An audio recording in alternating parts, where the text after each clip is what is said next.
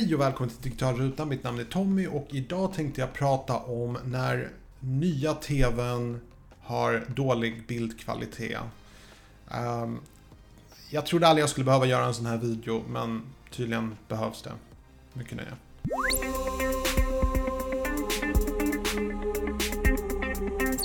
Jag har ett relativt um, tråkigt liv skulle vissa säga. Jag är väldigt intresserad av teknik och jag gillar att läsa kommentarer Eh, på NetOnNet och Elgiganten bara för att se hur människor upplever olika eh, apparater och sånt.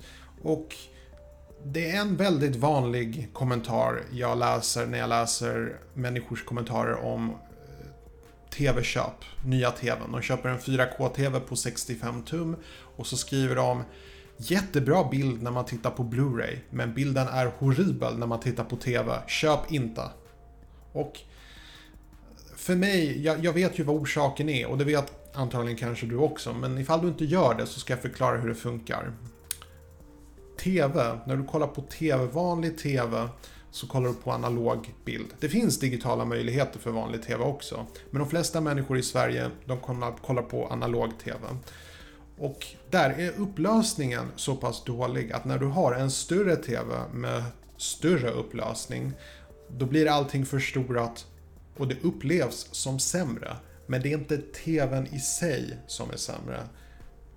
Det är TV-kanalerna, som, det är den analoga bilden som skickas till TV-apparaten som är sämre.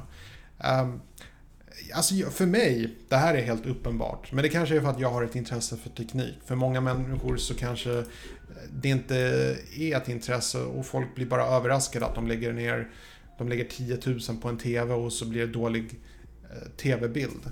Speciellt med tanke på att man kanske har tittat på TV i 20-tal år och det har alltid bara blivit bättre och bättre. Men de senaste åren har det bara blivit sämre och sämre. Återigen, det har att göra med att digitala TVn, de har mycket bättre bildkvalitet. Och den analoga bilden som skickas genom, från väggen, det är den som är den sämre. Så ett tips är att upplever du att du, din TV visar dålig bildkvalitet när du tittar på TV, eh, så finns det digitala boxar att köpa. Jag personligen tittar inte så mycket på TV. Jag använder främst streamingtjänster som Netflix. Eh, jag tycker ehm, Alltså jag är personligen väldigt trött på tv-kanaler med en massa reklam. Ehm, så att jag föredrar faktiskt Netflix, där jag slipper reklam helt och hållet. Ehm, det var allt jag hade för idag. Passa på att önska dig en trevlig fortsatt dag. På återseende.